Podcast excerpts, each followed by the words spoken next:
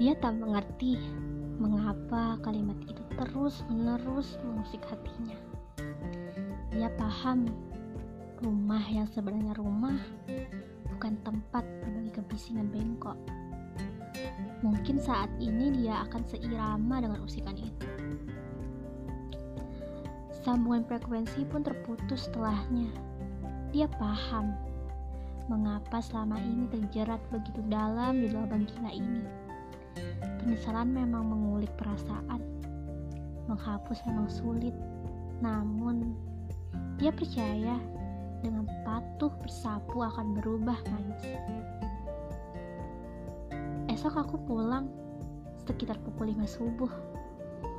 Begitulah ujiannya setelah ini. Dia akan benar-benar keluar dari jeratan ini.